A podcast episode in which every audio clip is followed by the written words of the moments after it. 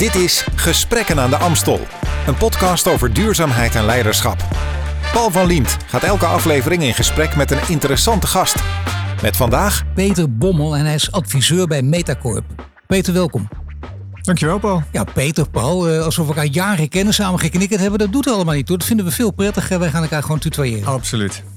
Ik zeg adviseur bij Metacorp. Het is aardig om een paar dingen te vertellen. Eerst even over Metacorp natuurlijk zelf, eh, wat het bedrijf doet en is. Maar ook mooi, dat, eh, dat, vond ik aardig als ik je cv bekijk. De cirkel is daar rond. Je hebt er van alles gedaan. Je bent er de grote baas geweest, eh, maar je bent er heel lang geleden op een andere manier ook begonnen. En je werkt er nu weer en nu in de rol van adviseur en, en investeerder. Ja, ik heb in de jaren negentig heb ik zeven jaar gewerkt bij dit bedrijf. Het is een familiebedrijf op Aruba, meer dan 100 jaar oud. Heel divers bedrijf, eh, maar vooral actief in het toerisme. Dus we hebben hotels en eh, allerlei eh, activiteiten ook rondom theaters en, cinema's. Maar ook bijvoorbeeld bierbrouwerij, Coca-Cola fabriek, steenhouwerijen, stenen bakkerijen. Van alles en nog wat eigenlijk. En op dit moment de belangrijkste investering is het, is het Marriott Hotel op, op Aruba. Eh, een van de grootste hotels daar met meer dan 1500 eh, kamers. Nou, en ik heb eh, na mijn eh, avontuur op Aruba in de jaren 90 eh, ben ik naar Deloitte gegaan. Ik heb daar 20 jaar gewerkt en ben de afgelopen acht jaar CEO geweest van Deloitte. Ja, je achtergrond even voor de duidelijkheid is een bedrijfseconoom en eh, registeraccountant. Ja, ben ik uh, al bij inderdaad. En uh, ik ben uh, afgezwaaid bij Deloitte, eigenlijk na mijn CEO-rol uh, en een nieuw avontuur gezocht. En dat nieuwe avontuur was datzelfde bedrijf op Aruba, waar inmiddels een uh, opvolgingsprobleem was in de familie. En dus er was een ja, CEO die op leeftijd was. Zijn zoon was nog niet helemaal klaar om CEO te worden. En ik ben eigenlijk een soort tussenpauze geweest daar. Een soort begeleider ook van de zoon. Ja, ik heb, nou, ik heb geholpen. Mag, je, mag ik even een vervelende vraag stellen? Ook ja. als een soort, want dat is moeilijk altijd in familiebedrijven ook. Je moet de zoon ook beoordelen. Is hij goed genoeg of niet goed genoeg? Ja, hij is zeker goed genoeg. En uh, ik, heb, ik zag mezelf meer als een coach en inderdaad een, uh, ja, een interim pauze om het bedrijf uh, zeg maar nog een paar stappen te laten zetten. Ook op het gebied van strategievorming en een, een, stuk transformatie wat we ook gedaan hebben. Um, maar inmiddels is, uh, is de zoon uh, helemaal ja. klaar ervoor en uh, is uitstekend bezig. Maar nog steeds heeft hij Peter Bommel in zijn nek hijgen, of niet? Als nee hoor, Peter die neemt steeds meer afstand.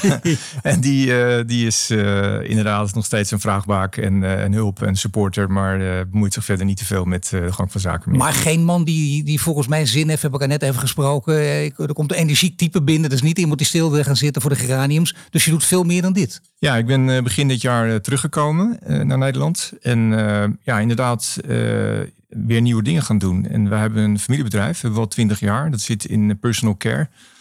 vooral gericht op, op de personal care van de voeten. Uh, ja, onder andere producten voor schimmelnagels en schimmelvoeten, maar ook allerlei andere producten die Schimmelnagels, schimmelvoeten. Ja, het, het klinkt ja, niet, niet lekker om nee, dit, dat wou ik net zeggen. Dat is niet echt waar je op feestjes over begint. Nee, nee, nee, absoluut niet. En uh, een kwart van de wereldbevolking heeft daar last van. Niemand praat ja. natuurlijk over zijn voeten, uh, in dit, over dit soort onderwerpen, maar het is, een, het is een hele grote markt. Nee, ik weet het. Iedereen kent ook wel iemand die er iets aan heeft en, en weet ook meteen wat voor kwaal dat is, hoe erg dat is. Zeker, je kunt, je zeker. maar het is niet alleen deze producten. Het is een, het is een hele lijn eromheen. we hebben in Nederland uh, ja, ongeveer de, helft van alle pedicures in Nederland gebruiken onze spullen. En uh, daarnaast zitten we internationaal vooral op de, op de grote platformen. Uh, dus bij Amazon bijvoorbeeld in meer dan 20 landen zijn we gewoon ja, op dit moment echt een e-commerce bedrijf geworden. En ben ik zelf ook met de digital marketing bezig, wat voor mij ook weer een nieuw terrein is. Ja, dat wou ik net zeggen, want ja, dat is toch de onbescheiden vraag, want hoe oud ben je? Ik ben uh, 61. Ja, dan is dit terrein toch een lastig terrein ook. Hè? Want dan heb je inderdaad de jonge generatie die er gewoon spelende wijze mee om kunnen gaan. En die moeten dan heel erg lachen om mannen van, uh, nou ja, een beetje deze leeftijd. Absoluut waar. Ja, en ik uh, trek de gemiddelde leeftijd van het bedrijf behoorlijk omhoog, kan ik je zeggen. Um, maar het is ontzettend leuk om, om te doen. En jezelf weer, laten we zeggen, een beetje opnieuw uit te vinden.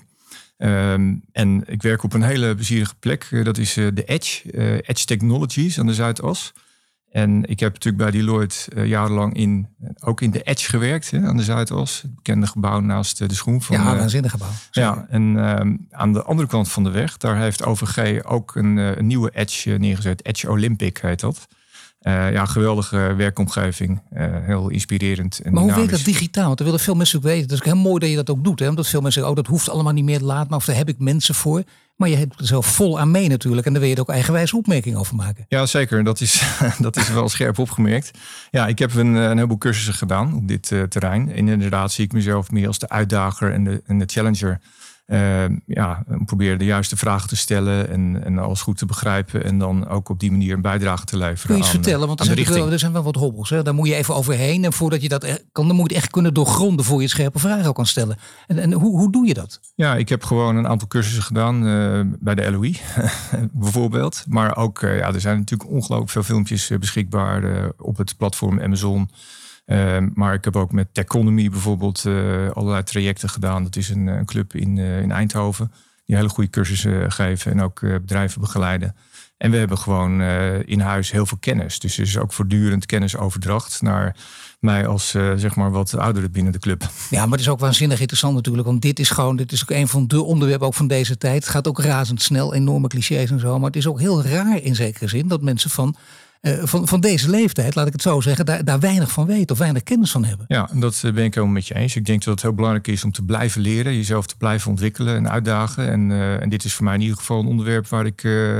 Ja, waar ik heel veel van kan leren en ook heel veel plezier aan, uh, aan In boardrooms is het vaak wel een probleem. Valt mij op in veel interviews ook. En dan gaat het daarover. En er wordt er heel veel over digitale transformatie gesproken. Door dames en heren van 55 plus. Die, die geen idee waar ze het over hebben. Nee, het is waar dat uh, ik denk dat uh, in de boardroom de kennis op het gebied van innovatie en digital, cyber, dat die veel beter kan. ja, bij Deloitte hebben we er ook altijd heel veel aandacht aan gegeven. Hè, aan het onderwerp innovatie en, en digital. Er is ook een, uh, een grote digital studio, ook naast het Olympisch Stadion in Amsterdam. waar we met klanten ook werken aan allerlei uh, digitale uh, proposities en transformaties. Um, dus het is een, een, onderwerp wat ook wel dicht bij mijn hart zit, inderdaad. Ik heb in, mijn, in mijn leadership periode ook daar veel aandacht aan gegeven. Aan het maar wat is een leadership periode? Wat, wat, wat, houdt het precies in? Ja, ik ben CEO geweest van 2011 tot met 2019. Ja, en toen heb ik uh, geprobeerd het onderwerp innovatie echt veel meer in de haarvaten van uh, Deloitte te krijgen. Maar digitale innovatie of ook financiële innovatie? Nou, het ging eigenlijk om uh, zeg maar innovatie in wat meer brede zin. dat gaat bijvoorbeeld over data analytics, over artificial intelligence, over IoT, over cyber. Uh, dat waren eigenlijk onderwerpen waar we wel al mee bezig waren, maar waar we een extra push gegeven hebben. En een van de dingen die we bijvoorbeeld gedaan hebben, is het uit de PNL halen. Dus we hebben een aparte innovatie-BV opgezet. Waar we niet gehinderd werden door zeg maar, de druk van de dagelijkse PNL. Uh, en meer lange termijn konden werken aan allerlei uh, proposities.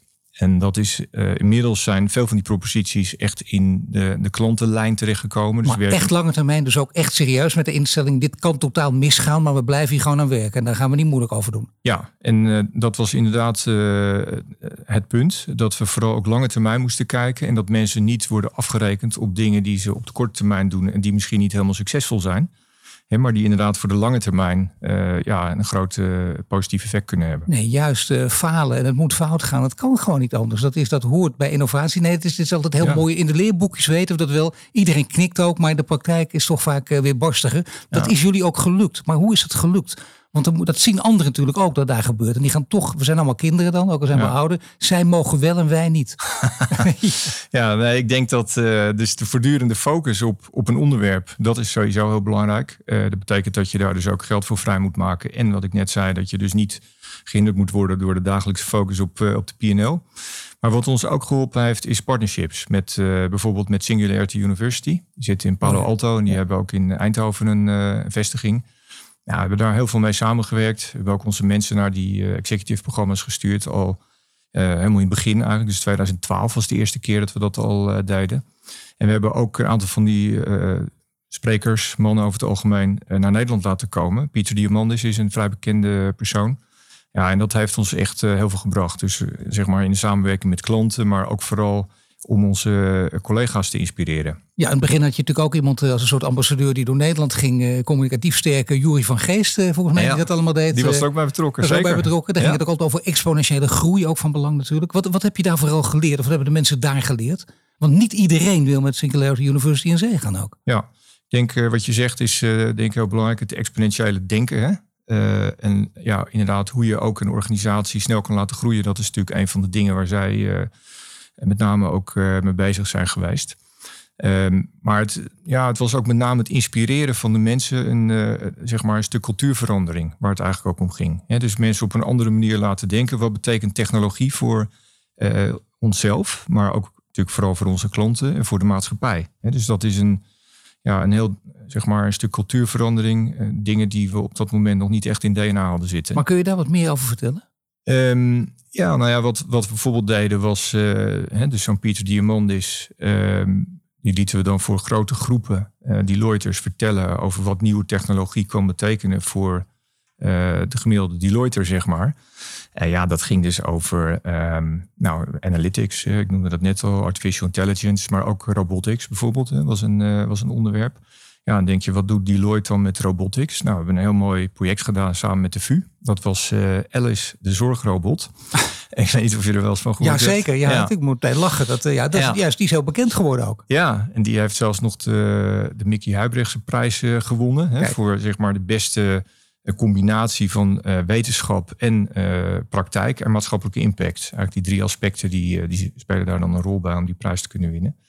Um, ja, Alice Zorgrobot is eigenlijk een, uh, een, robot die gericht is op het uh, verminderen van de eenzaamheid van ouderen. Um, en wij hebben echt from scratch samen met de VU uh, zo'n robot ontwikkeld. En ja, had wel hele leuke dingen gedaan. Dus we hebben op een gegeven moment een aantal grote bussen met bejaarden ingevlogen bij Deloitte kantoor. Om te kijken welk concept ze eigenlijk het mooiste vonden.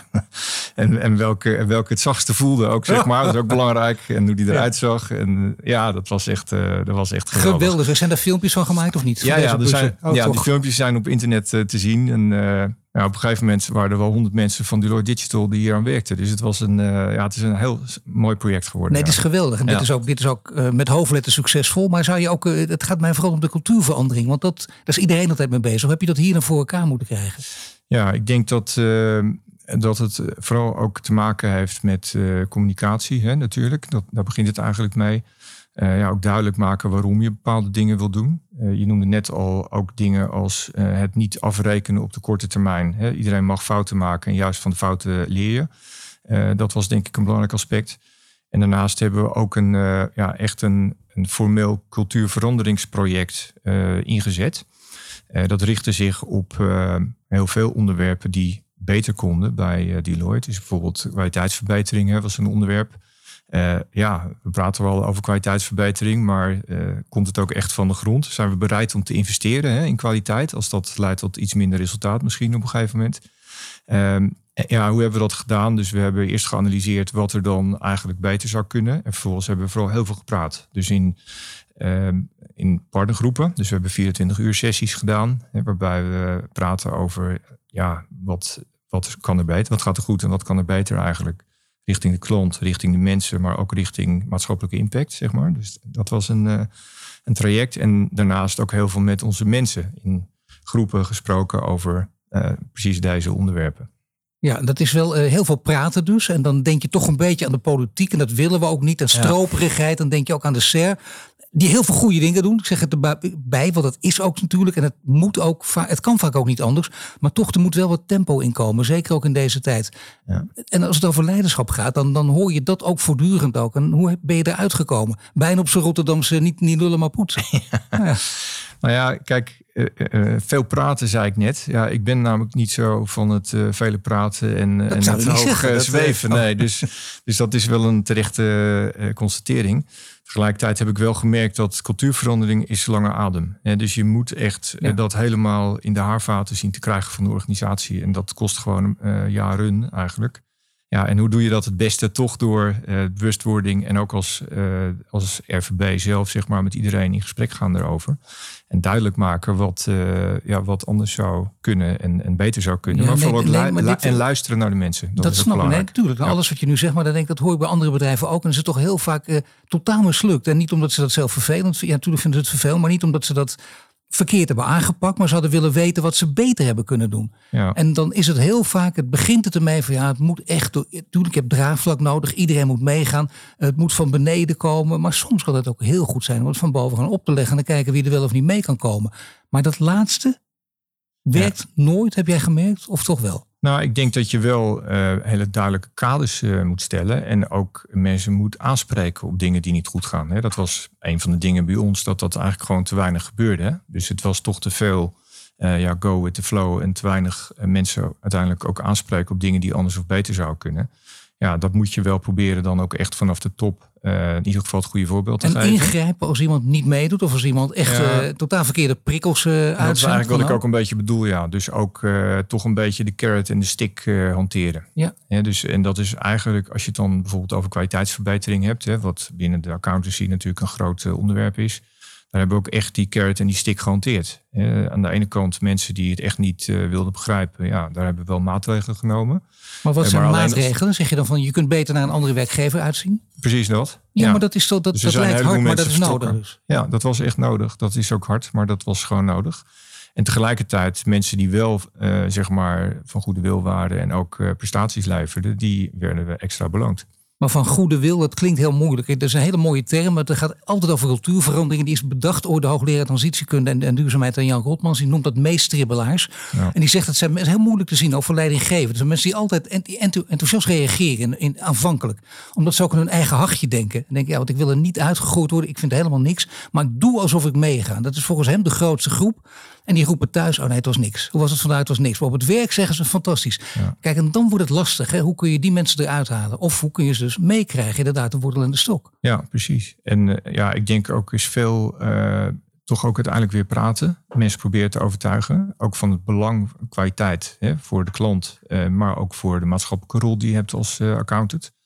En leveren van topkwaliteit is gewoon uh, license to operate eigenlijk. Hè. Als je dat niet hebt, dan uh, op een gegeven moment kan je gewoon de deur uh, sluiten. Maar dus... toch, als iemand zegt, dit idee wat, waar jullie mee komen, daar wil ik eigenlijk niet in meegaan. Dat ja. kan even van de slimme, je, je, moet ook kritiek om je heen verzamelen. En dat is vaak ja. heel moeilijk. Dat wordt gezegd ook naar buiten, dat is goed. Maar als het eenmaal zover is, is het toch lastig. Hoe onderscheid je dat? Hè? Of dat, dat terechte kritiek is, ja. of dat het gewoon, ja, laten we zeggen, verzuurde mensen zijn die alles tegenhouden. Ja. Nee, dat is ook uh, dat, een goede vraag. is ook een grote uitdaging. En ik vind ook, je moet daar uh, wel rustig mee omgaan. Je moet niet over één nacht ijs gaan hè, als je zware maatregelen treft. En ik vind dat we dat ook gedaan hebben.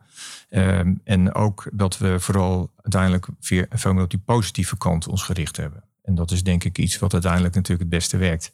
Ja, maar je mensen op een positieve ook, manier kan meekrijgen. Ja, maar mensen zien ook dat je, dat je ook hard bent. Hard, het kan ook niet anders, maar dat je ja. tegen de mensen ook de deur wijst. En, en dan, zeker, dan gaat het natuurlijk rondzingen. En hoe kun je dat proces in de hand houden? Ja, nou ja, kijk, dat gaat rondzingen. Maar iedereen begrijpt ook dat het gewoon uh, beter moet. Hè? En op een gegeven moment, dat muntje is echt wel gevallen. En dan zie je dat iedereen ook echt in beweging komt. Uh, en dan zie je ook de resultaten van de regulator, hè, die dus allerlei reviews uh, uitvoert. En ja, uiteindelijk constateert dat het goed gaat. Een goede leider kent zichzelf ook. Die kijkt ook in de spiegel tijdens zo'n proces. En uh, ja, die, die durft het ook uh, voor een open microfoon te zeggen. Zelfs als er een camera bij zou staan. Dat, dat weet Peter Bommel dus helemaal zeker. Dat kan niet als merken in dit gesprek ook. Maar dan merk je zelf gaandeweg ook wat voor fouten je maakt. En, en dan leer je jezelf ook kennen. Het is moedig genoeg. Jezelf kennen, dat, dat weet ik zelf ook nooit uh, helemaal precies. Maar dan zie je, omdat het ook confronterend is. Je ziet ook dingen die je fout doet. En, en waar ja. je gewoon minder goed in bent. Wat heb jij gedurende dat proces op het gebied van, van leiderschap geleerd?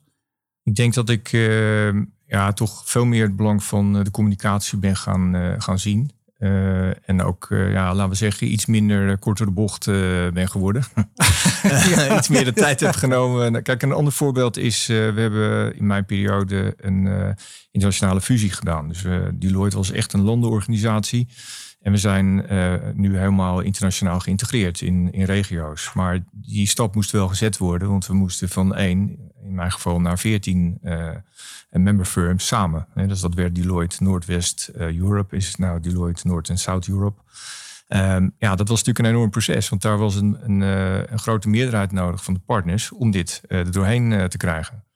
En dat betekent dat je daar dus ja, heel veel tijd uh, aan moet besteden. En uiteindelijk heb ik daar wel meer dan 100 gesprekken gevoerd. Met iedereen, ja, echt uh, met, met 300 partners tegelijk en één op één. En alles wat daartussen zat. Uh, ja, om toch duidelijk te maken dat het de beste route was. Nou ja, duidelijk maken wat de beste route is, dat zijn dus duidelijke, dat zijn, dat zijn geen dialogen. Nou, dat, het, natuurlijk waren het wel dialogen, want er was enorm veel weerstand ook natuurlijk. Hè. Dus is altijd dan weer angst dat andere landen dominanter zullen zijn in zo'n combinatie.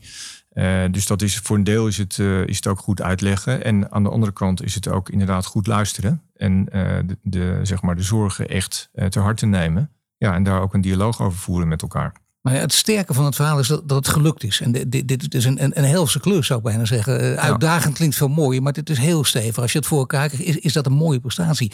Dan, dan kun je ook om je heen kijken. Dat doe je ongetwijfeld. Dan kijk je ook wat er nu gebeurt met alle crisis. En dan zien we ook wat we kunnen leren of niet kunnen leren. Hoe het in de politiek toe gaat. En als er over één ding gemopperd wordt, is het nu over. En begrijpelijk over de politiek. Mensen kijken ook, hè, dat is heel interessant. Edelman uh, Trust uh, Barometer, die elk jaar uitkomt. Groot communicatiebureau. En daar blijkt ook uit, mensen hebben meer vertrouwen in CEO's. Zeker de CEO van het eigen bedrijf, want die kunnen wat voor elkaar krijgen, dat is het argument, dan in politici en helemaal in de overheid. Dus het geeft heel veel verantwoordelijkheid, denk ik, voor, voor CEO's. Jij hebt veel geleerd in die periode, je hebt zoiets voor elkaar gekregen. Wat zou jouw tip zijn? Wat voor adviezen zou jij geven aan, aan leiders in de politiek, die bijvoorbeeld met Prinsjesdag iets moeten gaan uitspreken, die, die, die het volk moeten toespreken, die moeten zeggen: luister, er staat ons wat te wachten de komende tijd.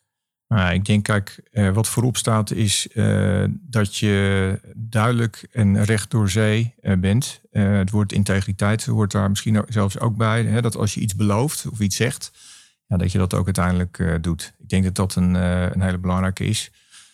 dat, dat zorgt ook voor meer vertrouwen, denk ik, bij, bij de burger. en daar is best wel wat op aan te merken in de afgelopen jaren. Um, ja, ik denk toch ook ehm, laten we zeggen, iets meer zakelijkheid uh, in de discussie. Uh, dat zou denk ik ook geen kwaad kunnen. Uh, dat terrein is volgens mij nog wel wat, uh, wat in te halen. Ja, het is te veel. Een, ja, laten we kijken, de Tweede Kamer. Ja. Heel veel partijtjes bij elkaar. Het is heel veel vliegen afvangen. Om het dus heel vriendelijk uit te drukken. Nou ja, dat, precies. Dat, dat is het.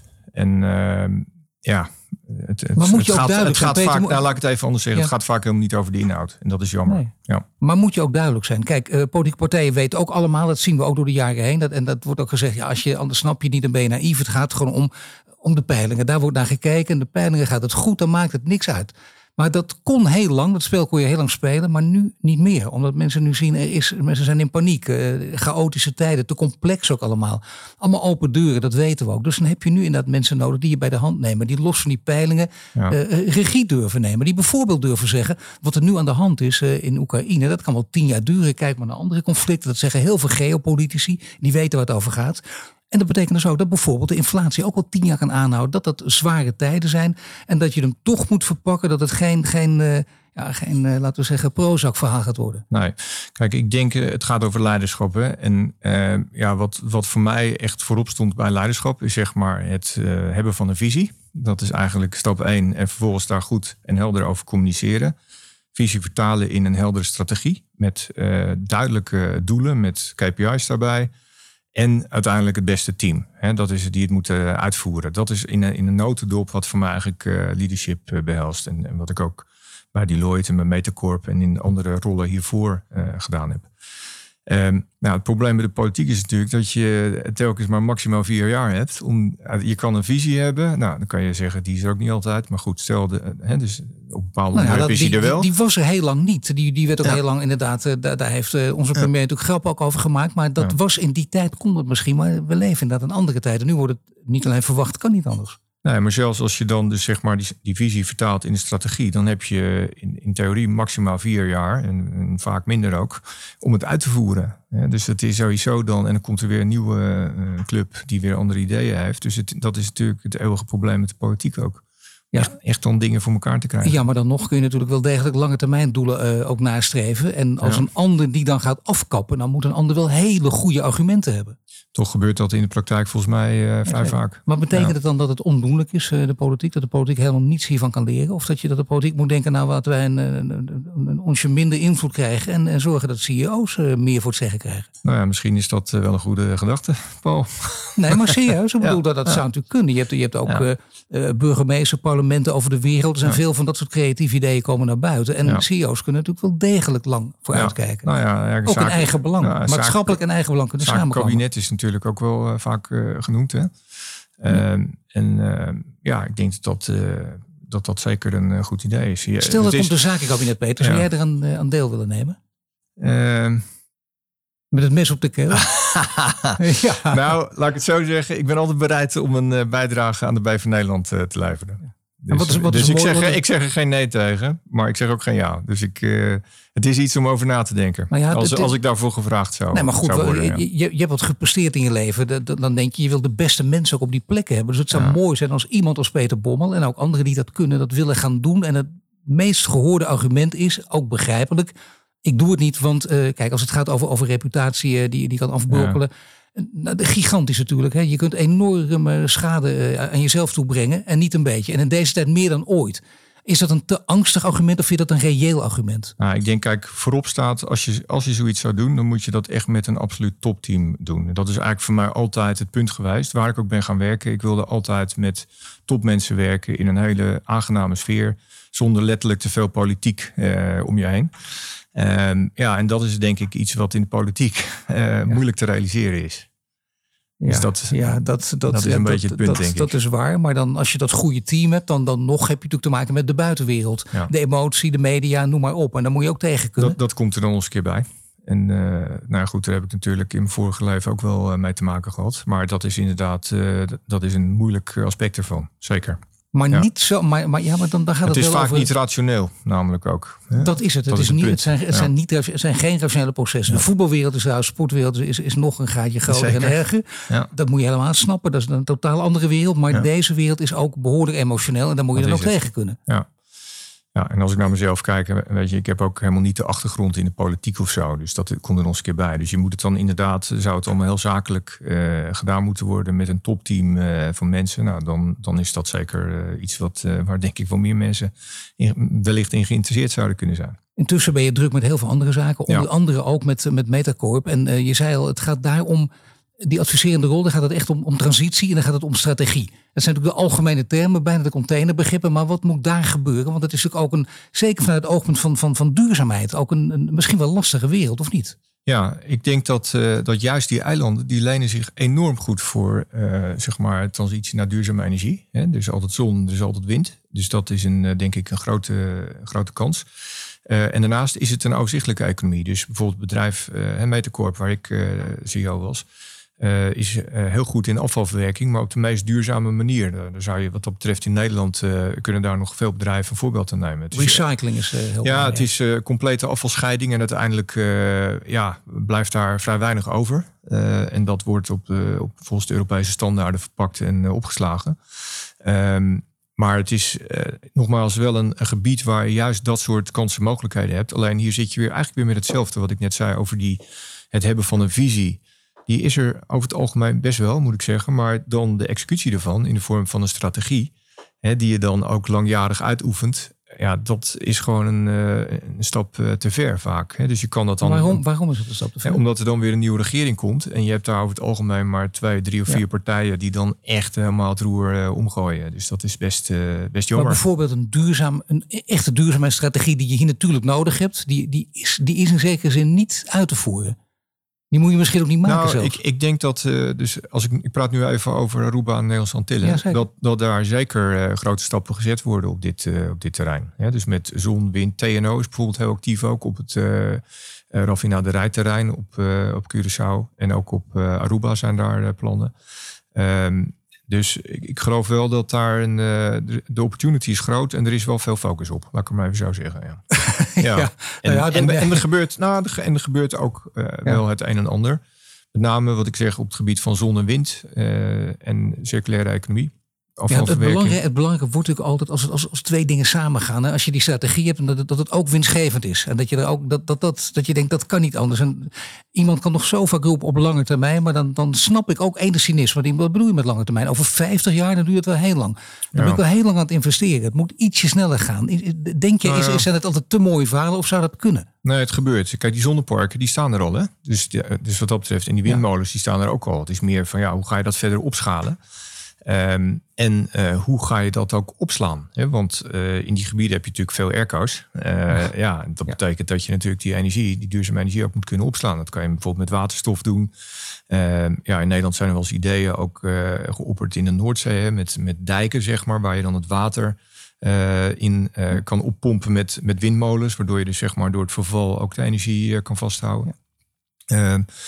Ja, dat, dat soort dingen, dat, uh, dat, zijn allemaal mogelijkheden, denk ik, daar. Zelfs in waar, deze waar echt serieus naar gekeken wordt ook. Maar zelfs Ja. in deze tijd, in deze wereld, waar je ook voor die windmolens, natuurlijk al die, eh, dat weten we inmiddels ook, hè, al die, die grondstoffen nodig hebt. En eh, de grondstoffentransitie speelt ook nog eens mee. En waar halen we die vandaan? Nou ja, kijk Ja. naar al die landen, ook een deel uit Afrika. Wie heeft bijna overal de macht, is heel sterk. China.